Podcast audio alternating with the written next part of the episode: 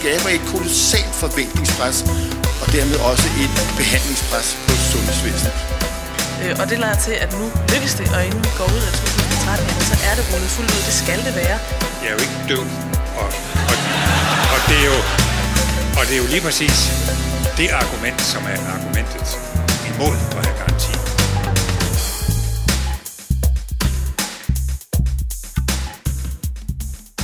Det har været den bedste oplevelse ja. i mit liv. Det har været en bedste beslutning i mit liv at tage det over. Jeg ved godt, det lyder utrolig uh, cheesy og uh, fantastisk, og det er da også blevet mere sukkersødt af, at jeg har været i USA, hvor, uh, hvor det ligesom også er holdningen til tingene, at alt skal være amazing, og, og hvad ved jeg. Men det har faktisk været en helt fantastisk oplevelse.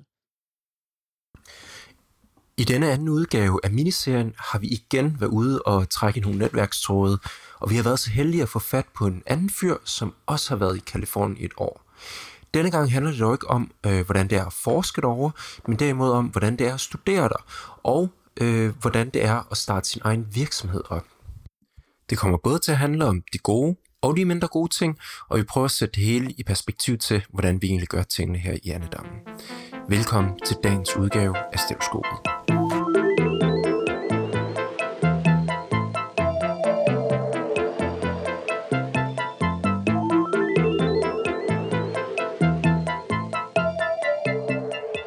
Mit navn er Otto Øman, og jeg studerer lige nu på Danmarks Tekniske Universitet, øh, hvor jeg læser Design Engineering, også kaldet Design og Innovation. Og jeg har lige tilbragt det sidste år af min bachelor på UC Berkeley i Kalifornien, hvor jeg var en del af et startup-program, som har lært mig en utrolig masse ting om, hvad det vil sige at lave virksomhed i det, vi kalder Silicon Valley, eller øh, den her entreprenør, ja, det er entreprenør mekka, som, øh, som findes i og omkring øh, Stanford og Berkeley University over i Kalifornien. Hvad er det, du gerne vil med din uddannelse? Jamen, jeg vil gerne bruge min uddannelse til at innovere inden for sundhedsvidenskab. Jeg synes, det er utroligt spændende at bringe øh, universitetsforskning til markedet øh, gennem de metoder, som jeg har lært til dels på DTU, men i særdeleshed på Berkeley her det sidste år. Øh, det har været enormt lærerigt at, at lære ikke bare den tekniske side af, hvad det vil sige at, at skulle lave produkt øh, til brugere, kunder, øh, patienter øh, og, og så videre.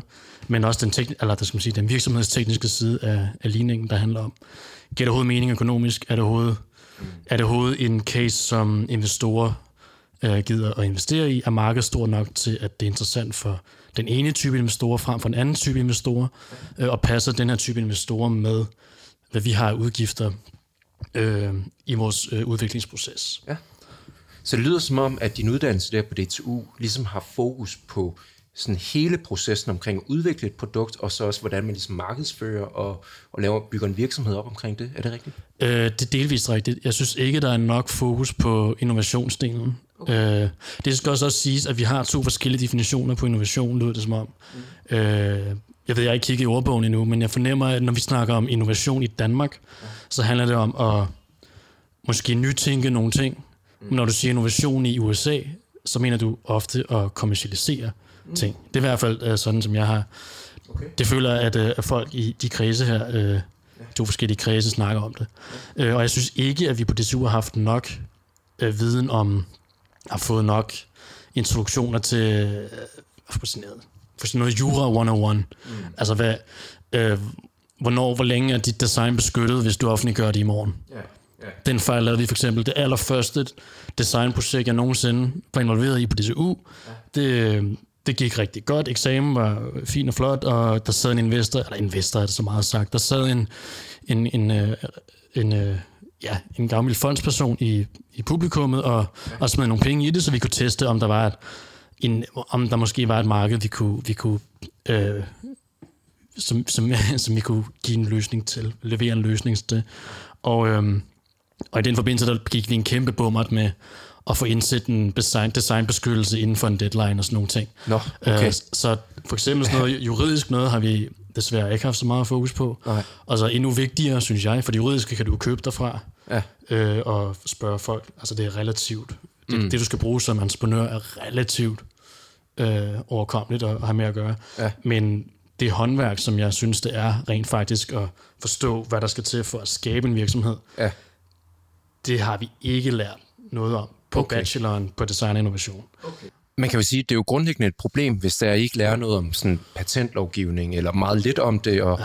Altså det er jo, når man udvikler et produkt, så kan jeg jo forestille mig, at øh, man ikke har lyst til lige pludselig at miste muligheden for at tage patent på noget, fordi nogle andre nåede at komme ind i forkøbet Ja. på den rent ju- juridiske side. Præcis, alle, altså, især ingeniører, alle ja. ingeniører, der vi skaber alle sammen løsninger.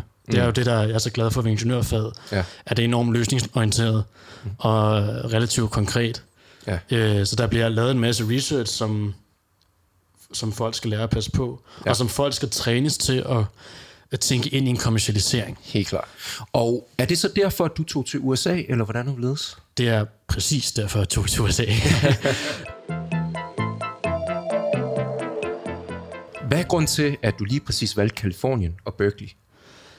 det er almindeligt kendt i startup-kredse, at øh, den hurtigste innovation, og der, hvor du finder, han, eller kan finde mest funding, det er helt klart i Kalifornien. Altså hvis man kigger på, øh, hvordan vi mennesker har delt vores øh, tidsperioder op, så har vi øh, jernalder og, og stenalder og hvad ved jeg, og nu, har vi, nu er vi faktisk inde i en slags sil- siliciumalder, hvor, du, øh, hvor det hele handler om computerchippen. Og øh, til en vis grad sige, øh, om, ikke, om ikke det startede, så er det i hvert fald i høj grad været drevet af det, vi i dag kalder Silicon Valley. Det her område, hvor der er en helvedes masse investorer, entreprenører og øh, kloge hoveder fra forskellige universiteter som Stanford og UC Berkeley, og hvad der ellers er Caltech og sådan nogle andre.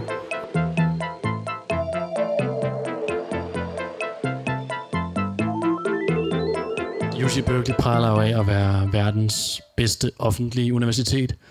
De har legnet parkeringspladser op kun til Nobelprismodtagere. Nå, Øh, og der er den ene TED Talk efter den anden, der bliver afholdt på Berkeley, fordi at tidligere øh, Berkeley-studerende og nuværende Berkeley-studerende klarer det så forfærdeligt godt, i særdeleshed i forskermiljøet. Mm. Det er, Berkeley spænder bredt, for det er et stort universitet. De har cirka 42.000 studerende. Nå, ja. Og øhm, bortset fra, at de ikke har en medicinuddannelse, så, så kan du lære alt på Berkeley. Øh, og der er rigtig mange såkaldte pre-meds derude, som så senere studerer medicin øh, ved først at studere noget, noget relevant for hende. Men Berkeley spænder bredt og er måske en lille smule øh, skal man sige, naturvidenskabelig øh, lidt til den side, men ellers så er det alt, alt, hvad der foregår derude, er på et højt niveau. Det kan man godt sige. Alright. Det må da have været vildt fedt for dig at prøve at være del af sådan et øh, universitetsmiljø der. Det har været den bedste oplevelse Ja. i mit liv. Det har været den bedste beslutning i mit liv at tage det over. Jeg ved godt, det lyder utrolig uh, cheesy og uh, fantastisk, og det er da også blevet mere sukkersødt af at have været i USA, hvor, Ja. uh, hvor det ligesom også er holdningen til tingene, at alt skal være mm. amazing og, og hvad ved jeg. Men det har faktisk været en helt fantastisk oplevelse. Det må også have været forrygende dyrt, eller hvordan? Det var en rigtig dyr fornøjelse. Øh, jeg var utrolig heldig, at... Så, så DTU har ikke en udvekslingsaftale med Berkeley. Mm. Det ved jeg, at øh, KU har. Øh, og det er jo forfærdeligt dejligt som KU-studerende. Og, men jeg har også været heldig, fordi at, øh, der har været nogle initiativrige mennesker på DTU, der gav mig et, et, øh, et øh, initiativ, der hedder Open Entrepreneurship, har etableret et samarbejde med nogle fondsmidler, som har gjort det betydeligt nemmere, øh, billigere og nemmere for mig at, at komme derover. Men der er stadigvæk øh, forbundet en vis udgift med det. For eksempel så kostede øh, huslejen var på 13.000 kroner om måneden for en overkøje i et 10 kvadratmeter stort øh, værelse. Du øh, betalte 13.000 om måneden for et værelse med en roomie, eller hvad? Ja, præcis. Okay. Øh, overkøje, vi skiftedes lidt en gang imellem til at sove over og nede. Øh, men du havde ikke eget toilet og bad, du delte med ja. 60 andre mennesker på gangen, og ja. Det er Øh, fandme og- et dyrt kollegium. det er et dyrt kollegie, især når man er privilegeret dansker, der kommer fra et, øh, et fornemt øh, kollegie i, i Søllerød, hvor, Ja. ja. hvor du har ro og fred til, Ja. ja. at, øh, gøre, hvad du vil. Okay. Øhm, så, så det har så klart været, øh, det har gjort ondt på tegnedrengen, og jeg er også, øh, jeg sidder også lidt i noget studiegæld nu, men det har helt klart været, været udgiften værd. Okay. Ja, og altså sådan... Man kan sige, øh, hvor længe var det, du var afsted? Så det var meningen, at jeg kun skulle været derovre et semester. Ja. Og det svarer til 15 ugers øh, studie derovre. Ja. Øh, men jeg var så pjattet med hele det der øh, entreprenørmiljø og studiemiljø, Ja. at jeg simpelthen var nødt til at forlænge mit ophold. Okay. Så jeg måtte igennem et øh, byråkratisk helvede for at, øh, for at få lov til at blive. Mm-hmm. Øh, og blev altså vinteren over, og har så sammenlagt været der i 10 måneder, ja. uden at forlade stedet i, i mellemtiden. Okay, wow. Det er altså også lang tid at være væk fra Danmark. Det er det. Ja. Men øh, tiden gik rasende hurtigt derovre, fordi der var så meget at lave.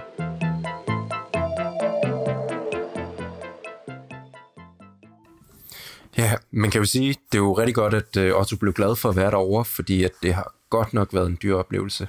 Ifølge CBS News, så er San Francisco også lige øh, blevet en af de dyreste byer, man overhovedet kan bo i i USA. Så man skal altså huske at forsøge nogle fondsmidler, hvis man øh, gerne vil over og læse i et år. Det næste, vi snakkede om, det var nogle af de gode ting og øh, nogle af de dårlige ting ved at læse øh, i det amerikanske uddannelsessystem. Nu har vi snakket lidt om, sådan, hvordan det har været at bo i Berkeley og sådan nogle ting. Altså sådan, hvordan, hvordan vil du klassificere det? Hvordan er det anderledes fra øh, dit studieliv her i Danmark? Det er intenst. Ja. Øh, de studerende er sindssygt ambitiøse. Mm-hmm. Jeg tror også, jeg har kigget på de her statistikker, men det skulle også være de uni- universiteter i USA, hvor stressniveauet er højest. Okay. Øhm, hvor de studerende faktisk ikke altid trives specielt godt. Okay. Men, men, men det, det var så alt det dårlige. Men nu kommer alt det, som der gør, at jeg er helt forelsket i Berkeley, og derfor i, øh, også i, i Kalifornien, vil, jeg- vil jeg mene. Det er jo, at som sagt, de studerende er enormt motiverede. Mm. Ikke kun fordi, at de betaler en formue for at gå derover. Det koster typisk for studerende, der har forældre, der bor i Kalifornien, der koster det vist 30.000 dollars om året. Okay. Og så koster det, også cirka det dobbelte for folk, ja. for hvem øh, deres forældre, eller hvis forældre ikke bor i Kalifornien. Okay, det er jo en ordentlig chat penge. Især i et land, hvor gennemsnitslønnen er øh, 60.000 dollars, men medianen for folks lønninger, den faktisk er halvt så stor. Den kun er 30.000, så vidt jeg, så vidt jeg ved. Ja. Øh, hvilket også indikerer, at der er en kæmpe ulighed derovre. Så ja. det er jo forfærdeligt dyrt. Det er jo her, man bliver rigtig glad for et øh, hvad man sige, offentligt finansieret øh, uddannelsesvæsen i Danmark, ikke? Det er der ingen tvivl om. Øh, den gennemsnitlige amerikanske studerende har vist nok 75.000 dollars i studiegæld. Og Wow. wow. grunden til, at jeg har sat mig lidt ind i det, det var, at vi på første semester derovre mm. havde et uh, super spændende kursus, der handlede om blockchain, selvfølgelig, fordi alt skal være blockchain, AI og hvad fanden ved jeg i, i, i disse dage. Øhm, hvor jeg blev involveret i et projekt, hvor vi forsøgte at redesigne hele det her studielånesystem. Okay. Øhm, så det var et af de startup-projekter, jeg jeg blev invo- involveret i derovre.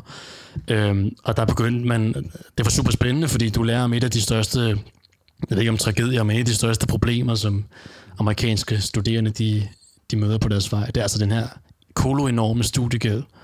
Og det skal jo siges, at studiegælden er jo den samme, om du studerer til computer science, som er nok er den mest, den høj, mest, altså den mest højt lønnede uddannelse, du kan få derovre fra. Øhm, I hvert fald sådan lige off the bat, når du er færdig med din uddannelse. Ja, der er vel også mange, som læser computer science, altså datalogi, Ja, øh, som ender i Google og Facebook og sådan nogle ting. præcis. Ja. Øh, vi snakkede før om huspriserne i og omkring Berkeley, mm. og det er almindeligt kendt, at de er jo drevet op af, af de her lønninger, som... Det, altså, igen, vi snakkede før om Silicon Valley. Silicon Valley er jo så dels stort, fordi der er nogle øh, investorer og sådan noget, der er klar til at investere. Mm. Men de er der igen, fordi at der var nogle succesfulde startups øh, i starten.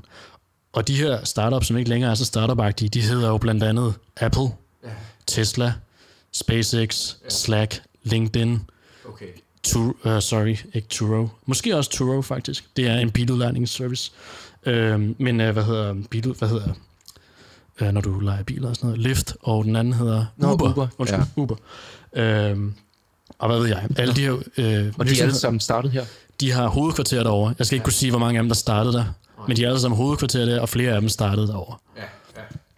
Okay, det er jo også ret vildt. Præcis. Ja. Øhm, så så øhm, de her, de her start, altså, som ikke længere startups, men de her store virksomheder, de vil jo gerne have fat i de dygtigste. De her store virksomheder, de driver lønningerne op helt ja. gevaldigt. Hvis du er færdig med en, en bachelor i computer science fra Berkeley, øh, så havde, kan du godt komme ud til en startlønning på 140.000 dollars. Kom ud og arbejde i Google der. Og til lytterne, så svarer det vel til omkring en million kroner om Ja. året. Ja. Ja, det Ja. passer meget godt. Ja, og du kan sagtens komme over det også. Ja, så, som startløn, vel ja, mærke. som 22-årig snotunge der, der kommer ud af, da. af UC Berkeley, uden at have fået sin kandidat endnu. Ja, wow. Øhm, og det betyder altså bare, at der, der er noget...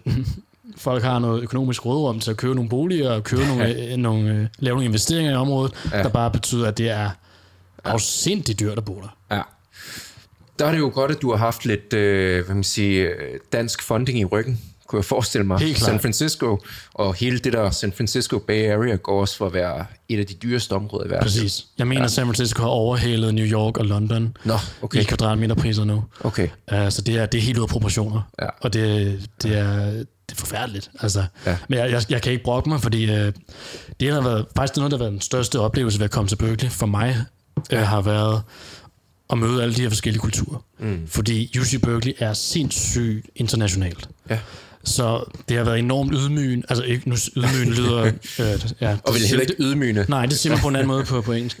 ja. øh, det har været, jeg er blevet enormt ydmyg af at have været der, fordi ja. at jeg har mødt folk, som har haft et, et andet udgangspunkt, Ja. øh, end jeg har. Det har været halvdelen af hele oplevelsen. Øh, nu boede jeg i det, der hed International House, som var et stort kollegieagtigt, hotelagtigt hus, øh, hvor vi boede 700 mennesker. Okay. Øh, det var folk fra hele verden. Jeg tror, at 10-15 procent af, af, hu, af huset øh, var til amerikanere, men resten var altså folk fra hele verden. Ja. Øh, vi danskere var utrolig flot repræsenteret i forhold til vores lands størrelse. Mm-hmm. Nok øh, helt disproportionelt godt repræsenteret. Hvilket nok også har noget at gøre med, hvilke økonomiske muligheder vi ja. har som privilegerede danskere. Ja. Øhm, men det var jo sindssygt spændende og sjovt at møde alle de her mennesker fra hele verden. Ja. Ikke bare International House, men også i, Okay. øh, i hele i Berkeley. Ja. Der er en rigtig stor øh, procentdel asiater, i stilletid kinesere mm-hmm. øh, og inder. Og det er, ja, det ser vi også på uddannelserne herhjemme. Det har været meget stereotypt, at der er rigtig mange deltid i de naturfaglige øh, fag. Der, der kommer rigtig mange dygtige studerende fra Asien Okay. øh, og tager rigtig mange af de studiepladser. Okay. Og det er så, man kan sige, bare en endnu større proportion, der er derovre. Præcis. Jeg ja. ved ikke, øh, hvad procentdelen Nej. lige er. Uh, men jeg tror, vi er godt op i uh, 30-40 procent uh, af, af universitetet havde en, en kinesisk baggrund. Måske som Okay. første eller anden generations. Uh, Ja. ja. Hvorfor tror du egentlig lige præcis, at asiaterne er så øh, velrepræsenteret derovre? Jamen, de har en, øh, en røv til sædedisciplin, som sådan nogle danskere som os for eksempel øh, ikke er lige så bekendt med. Okay. Og det, er, det, det har været super spændende at se. Ja. Det betyder ikke, at de er... øh, Nu, nu generaliserer jeg jo enormt meget, og øh, det, det er også forfærdeligt. Men der er altså noget om snakken. Ja, Øh, okay. De har altså en anden øh, tilgang til det at studere.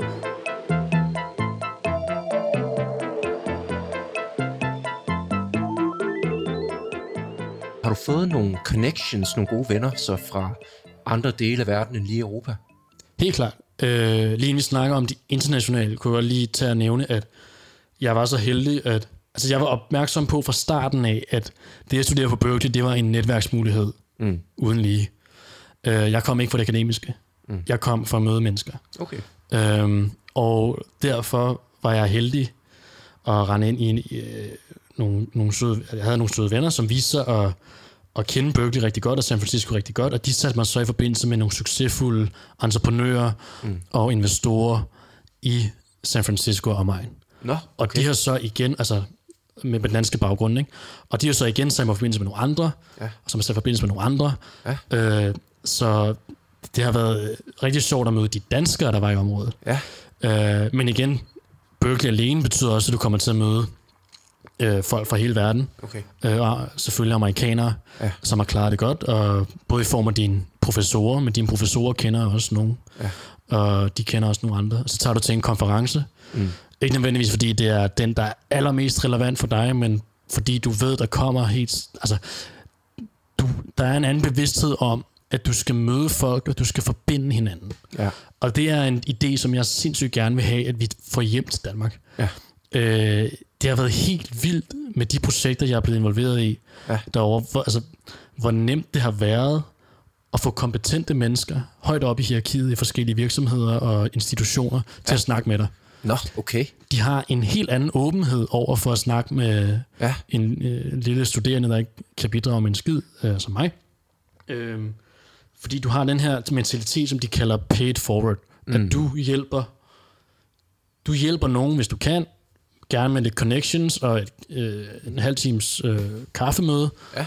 Øhm, og hvis ikke, hvis ikke du har noget at tilbyde vedkommende, som hiver den her halve time ud af kalenderen, så ja. kan det godt være, at der ikke kommer et, et andet møde, men, Okay. men, men der er alligevel den her øh, mentalitet om, at du hjælper, og selvfølgelig det hjælper også at spille øh, studiekortet. Det har jo ikke, det har jo ikke skadet noget mm. at kunne med sin berkeley.edu e-mailadresse Nå, okay. skrive til CEO'en af en eller anden virksomhed. Ja. Det er også godt og, fandme. og det virker simpelthen. Det gør det.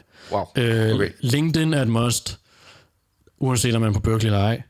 Og så er det altså nemt at gå ind på LinkedIn og søge på øh, folk inden for en bestemt industri, mm-hmm. som er fra et bestemt universitet. Mm. Og hvis det universitet er et, du selv går på, Mm. Så er sandsynligheden for, at de svarer dig på LinkedIn og er klar til at sætte møde op og hive okay. En time ud af kalenderen til dig.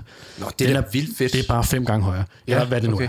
er. Øh, så det har været sindssygt effektivt at gå ind og bare øh, søge på kompetente mennesker og ja. skrive til dem, øh, cold call dem og, Ja. ja. og hvad ved jeg, for at få deres opmærksomhed. Så rent faktisk få noget ud af det. Og så simpelthen fordi, at øh, de har gået på samme universitet, så, så gider de skulle lige, og Præcis. det er jo, det er jo ret vildt. Det, er enormt værdifuldt. det er jo noget, øh, altså det er jo noget anderledes kultur, end vi har hjemme i Danmark. Præcis. Altså, ja. de har i det hele taget en kultur om at støtte op om hinanden. Ja. Øhm, altså, ikke bare inden for UC Berkeley, øh, at du hjælper dine egne, men du, hjælp, du hjælper ja. dine medentreprenører og dine med researchers og dine medstuderende. Men det lyder også lidt som om, at det er en eller anden form for sådan investering, Ja. folk laver. Det kan altså man- sådan, ja, hvis, præcis. hvis, du så ikke kan, hvis du så ikke, ikke kan levere øh, produktet, ikke, mm. så cutter de også kontakten. Det er rigtigt. Ja. Men altså, det synes jeg er helt fair. Altså, det som, det, som man håber på, det er jo selvfølgelig, at hvis jeg introducerer dig for din fremtidige arbejdsgiver eller din fremtidige partner i det næste mm. Google eller Apple projekt, som bliver milliardvirksomhed, mm. øh, så er jeg jo enormt glad for at være ham, der har gjort det. Ja. Øh, og selvom det behøver slet ikke at være så succesfuldt heller for at give mening. Mm. Øh, så det, der, jeg tror både, der ligger en ære i at være dem, der har kunne se, hvilke personer, der spiller godt sammen. Mm-hmm. Så tror jeg også bare, at så håber man jo på, at, at du så øh, vender tilbage en dag, ja. når jeg skal bruge det, og står Gengælder tjenesten. Præcis, at øh, jeg står måske er arbejdsløs, eller hvad fanden ved jeg, ja. øh, og du på en eller anden måde kan huske, at jeg lige måske hjalp dig Ja. i en, eller anden grad, og så kommer den anden vej. Det er jo meget sjovt. Det er jo en helt anden måde at, at tænke på et eller andet sted, ikke? Præcis. Men, og hvis, øh, øh, hvis ja. der er en lektion fra Berkeley, jeg vil skulle have hjem, så er det faktisk den. Ja. Øh, jeg synes ikke, at deres studiekultur med at sidde op til klokken 3 om morgenen og studere og sådan noget, er nødvendig for at, øh, hvad skal man sige, at klare det rigtig godt i skolen og, mm. og alle de her ting. Og det er ikke noget, jeg siger, fordi jeg er perfekt elev selv, men øh, jeg synes ikke, at den del af deres studiekultur er fantastisk. Nej. Øh, men deres idé om, hvad det vil sige at netværke, Ja. det kunne vi lære noget af. Også, altså med alt det, vi ved omkring, altså hvor, hvor vigtig søvn er for din præstation i hverdagen og sådan noget, ikke? Altså sådan, mm. det virker heller ikke som om, at den del giver mening. Nej.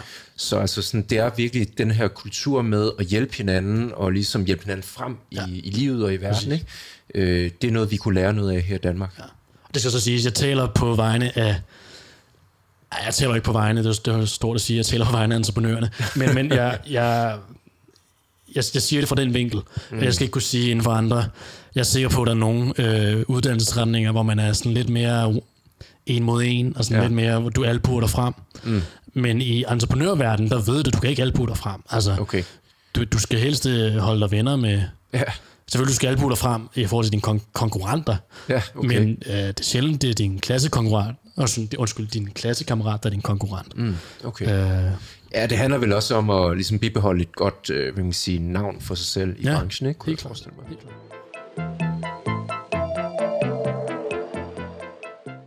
Udover at have fået nogle rigtig fede oplevelser og et stort netværk, jamen øh, så nåede øh, Otto faktisk også at starte nogle øh, startups øh, op derovre, og øh, især et af dem er blevet til noget.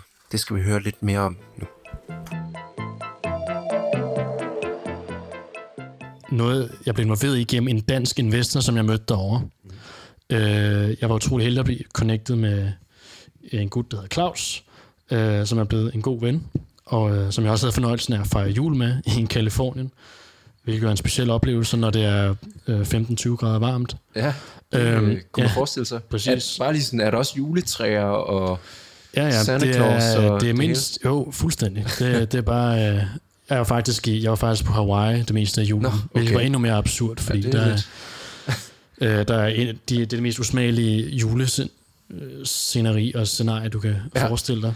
Øh, En så- anderledes jul i hvert fald. Helt klart. Ja. Uh, anyway, jeg mødte som sagt den her uh, danske investor, som er involveret i nogle danske healthcare startups. Mhm. Og hovedprojektet, som jeg siden er blevet uh, for alvor blevet involveret i, som jeg har skrevet bacheloropgaver om, og som jeg er blevet uh, ansat i, uh, det hedder Vulcur, ja, nu siger jeg det enormt amerikansk, Vulcur MedTech. Ja. Okay. Um, og det er en startup, som forsøger at hele kroniske sår ved Mhm. brug af en laserteknologi. Nå, Øhm, kan du forklare lidt om, hvordan det fungerer? jo, øh, jeg skal prøve. Øh, kroniske sår er i over 90% af tilfældene inficeret med en type bakterie, eller det er ikke en bestemt type, men øh, en gruppe bakterier, mm-hmm. som producerer noget, der hedder biofilm. Mm. Biofilmen beskytter bakterierne mod øh, antibiotika og kroppens immunforsvar, mm. øh, når, når, når kroppen prøver at hele det her.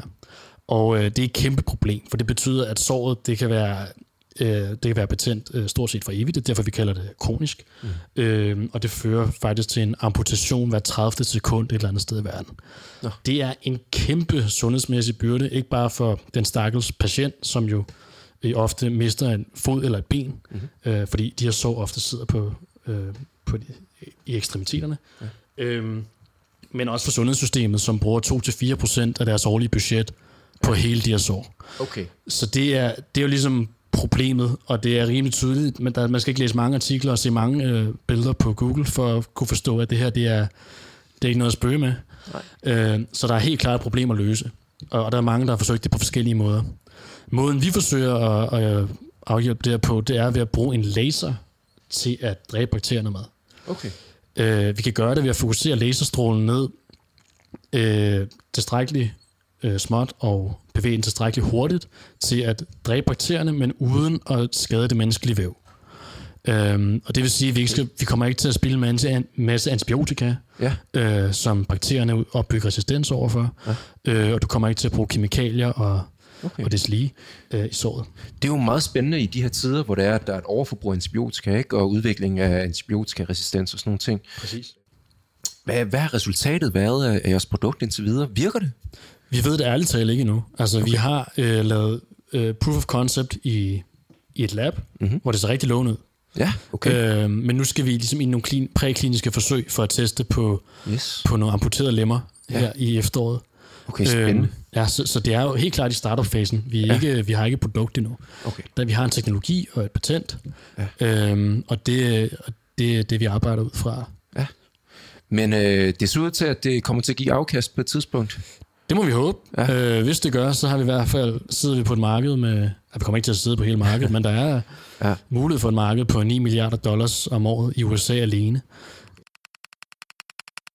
Hele det her markedsstørrelse og mm. hele den her tankegang omkring innovation og kommercialisering, mm. den, den er anderledes derovre. Jeg ved ikke, om det er anderledes, men det, var- det var ikke noget, der, som jeg havde i tankerne som ingeniør mm. og produktudvikler for bare et år siden. Nej. Øhm, men det har, det har en, fantastisk professor i Berkeley for banket ind i knolden på mig Okay. øh, gennem to semestre, og det har været enormt lærerigt og spændende. Ja. Men er det ikke også lige præcis det, du tog, øh, altså, tog til Kalifornien for at få med hjem? Præcis. Jeg kunne ikke have ønsket mig et bedre ophold. Øh, Okay. som sagt, så jeg, vil, jeg var interesseret i entreprenørskab, og jeg kom ind på et såkaldt startup-semester derovre. Ja. Så alle mine kurser var på en eller anden måde rettet imod øh, et startup-emnet, Ja. øhm, og har på i forskellige grad øh, hjulpet mig mm. som entreprenør eller som øh, aspirerende øh, entreprenør. Ja. Og, øh, Fedt. og det har været fantastisk. I særdeleshed i et af kurserne skulle vi bruge et, et rigtigt, rigtigt koncept, en rigtig idé, og lave en, en forretningsplan omkring det her, ja. og, øhm, og planlægge kommercialisering af det her. Ja. Og der brugte jeg så det, kon, altså det her øh, projekt mm-hmm. øh, med, med Vulkur, Øhm, fordi det var oplagt at bruge noget, der var ægte, Ja. ja. og fordi at det så enormt spændende og, og, og lærerigt ud. Ja, okay. Fedt. Øhm, og hvordan var det? Der var et sidste startup også? Der var et sidste startup, ja. øh, som jeg er som jeg ikke er blevet rigtig involveret i alligevel. Jeg lavede en lille smule markedsresearch for dem. Okay. Øh, men det, det er også en dansk startup, som øh, forsøger at... Ja. De har to produkter. Det ene, de laver øh, noget kommunikation inden for sundhedssystemet mm. mellem patient og læge. Okay. Øh, det handler om øh, ICD-patienter, altså folk, der har ja. en form for pacemaker installeret, mm. øh, og hvordan de kan kommunikere med deres læger og deres hospitaler. Okay. Så det er den ene side af, af deres øh, portfølje, og så er de også i gang med en anden teknologi, der handler om Ja. at, at bruge nogle algoritmer til at forudsige nogle ting. Det lyder i hvert fald bare som om, at du har fået øh, man kan sige, rigtig mange projekter med tilbage til Danmark derovre fra. Helt klart. Ja. Altså, det har faktisk, jeg har fået øh, utrolig mange muligheder hjemme i Danmark, efter at være kommet hjem derfra. Nå, okay. Øh, jeg har både forsøgt at kommunikere til folk omkring mig, hvad det er, jeg har lært, Ja. hvilket er måske også er grunden til, at jeg, har, jeg sidder her nu. Ja. Øhm, er det, jeg har ikke lagt skjul på, at jeg synes, at øh, det har betydet, det har betydet meget for mig personligt, men også for min, mm. øh, for min karriere, fordi nu, nu er der altså nogle, øh, nogle, nogle nye og nogle andre muligheder. Okay. Både i USA, øh, hvor man nu har kontakter og Ja. venner og projekter, man kan, man kan øh, tage fat i, øh, men, men også hjemme i Danmark, fordi jamen, jeg har været så heldig at mødes med danskere derovre. Og det er også ja. bare noget, jeg vil sige til folk, at de skal fandme gøre en dyd ud af at, at snakke med de danskere, der er allerede etableret derovre. Ja. Øh, det, der var fedt i San Francisco i så deltid, det var, at vi havde månedligt havde vi netværksmøder mm. øh, i San Francisco, og der var også et separat øh, møde for dem, der var tættere på Palo Alto nede ved Stanford. Ja. Øh, øh, folk, der mødtes første onsdag hver måned Okay. for at drikke en øl og, øh, og spise nogle chips, og, og ellers bare sørge for, at man kender hinanden. Ja, network, Øh, simpelthen. Og det der med at, jeg har sagt det før, men altså det der med at, at bare lære hinanden at kende for at kende hinanden, Mm. uden at nødvendigvis at skulle have noget konkret ud af det, Ja. Det var, det var en kæmpe... det lyder jo simpelt og banalt, men det er sindssygt værdifuldt. Hvordan har det så været for dig at altså, vende tilbage til Andendammen igen? Komme hjem til lille Danmark, væk fra det store startup-miljø i Silicon Valley? Jeg har været utrolig heldig at kunne fortsætte på det her øh, laserprojekt hjemme mm. i Danmark. Ja. Jeg skrev min bacheloropgave om det. Ja. Øh, mest USA, men tog den så hjem for at skulle forsvare den hjemme på DTU her for uge siden. Øhm, så jeg har jo heldigvis haft en, en dejlig glidende overgang fra at lege entreprenør derovre til at lege entreprenør herhjemme. Mm. Øhm, samtidig med at holde fast i det akademiske. Så jeg havde jo dejligt travlt øh, i starten der, ja. da jeg kom hjem for halvanden måned siden, eller sådan noget. Ja, okay. Øhm, og, men alligevel så føler jeg faktisk et, øh, sådan et socialt granatschok Ja. ja. af at komme hjem til et øh, tomt kollegeværelse. Ja. Øh, altså nu har jeg opbygget alle de her venskaber i, i Berkeley, og man har lige så nære venskaber hjemme i Danmark her, men det er altså noget mm. andet, når du læser, spiser og sover på universitetet ja. 24-7 i 10 måneder, ja. så knytter du altså nogle, nogle venskaber, nogle relationer, øh, som bare er øh, det nære øh, på en anden måde. Og, at, og det savner man altså med det samme. Altså det, hele den energi, der er i San Francisco og omegn, øh, den savner jo enormt meget. Ja. I Danmark, der er vi øh, på godt og ondt lidt mere tilbagelænet. Øh, vi er ikke dogne, men vi har en helt klart opdeling mellem vi opdeler rimelig klart vores studieliv, synes jeg, mm. med vores fritid. Ja. Og man holder øje med uret der, når man sidder på arbejde og skal hjem klokken 4 og lave aftensmad. Ja. Øhm, hvor på Berkeley der, der var det helt normalt, og at man lige foreslog øh, til gruppen der i sit statistikkursus, hvad skal vi have møde klokken øh, 23 i aften, Okay. øh, og lige få lavet den, noget af den der opgave der, eller, Ja. eller kan først klokken øh, halv et. Ja. Øhm, og det var ikke uhørt, Nej. fordi man er dedikeret til studiet, Ja. og i særdeleshed de projekter, der er ved siden af. Og det vil så også sige, at en rigtig vigtig øh, tilføjelse faktisk, som jeg har glemt at komme ind på. Mm. Øh, en ting er studiet. Jeg, skal ikke få, jeg vil ikke at det virker som om, at man på Berkeley bare studerer. Mm. Fordi det, der gør Berkeley specielt, det er, at ja, du studerer på et godt universitet, og ja, du, du kan dit shit. Mm. Øhm, men det vildeste derovre er faktisk, at der er en forventning blandt de studerende, og måske også blandt undervisere, øhm, om at du involverer dig, i, involverer dig i forskellige projekter ved siden af studiet. Ja.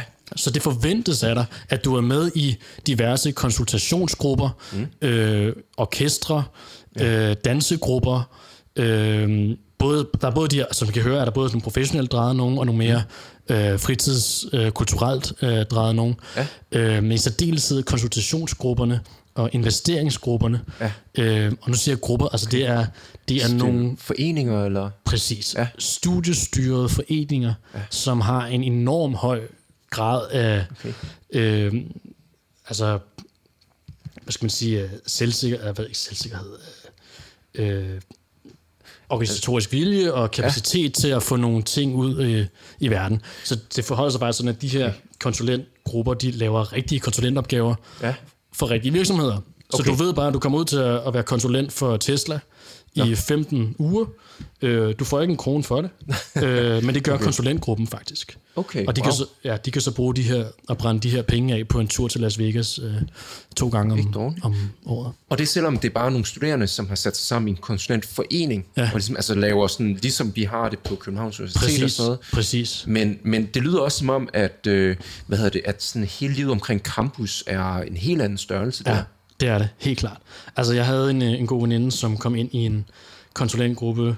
Hun er førsteårsstuderende og begyndte med det samme og, okay. Og bejle til de her forskellige konsulentgrupper. Ja. Øhm, hvor den mest, øh, jeg ved ikke om det er den mest prestigefyldte, men det er i hvert fald en af de rigtig veletablerede og mest populære inden for management consult. Ej, jeg ved faktisk ikke, hvilken type konsulent de laver. Det er måske lidt bredt, men mm. de, øhm, øhm, de var 500 ansøgere ja. om én plads i konsulentgruppen, Wow. og den fik hun. Okay. Øhm, og du skal igennem fem runder interviews, Ja. og, øh, og du skal både mingle med dem, så socialt skal du være Der skal man også være tip-top. præcis. Du skal okay. sørge for at kende de rigtige mennesker for at komme ind.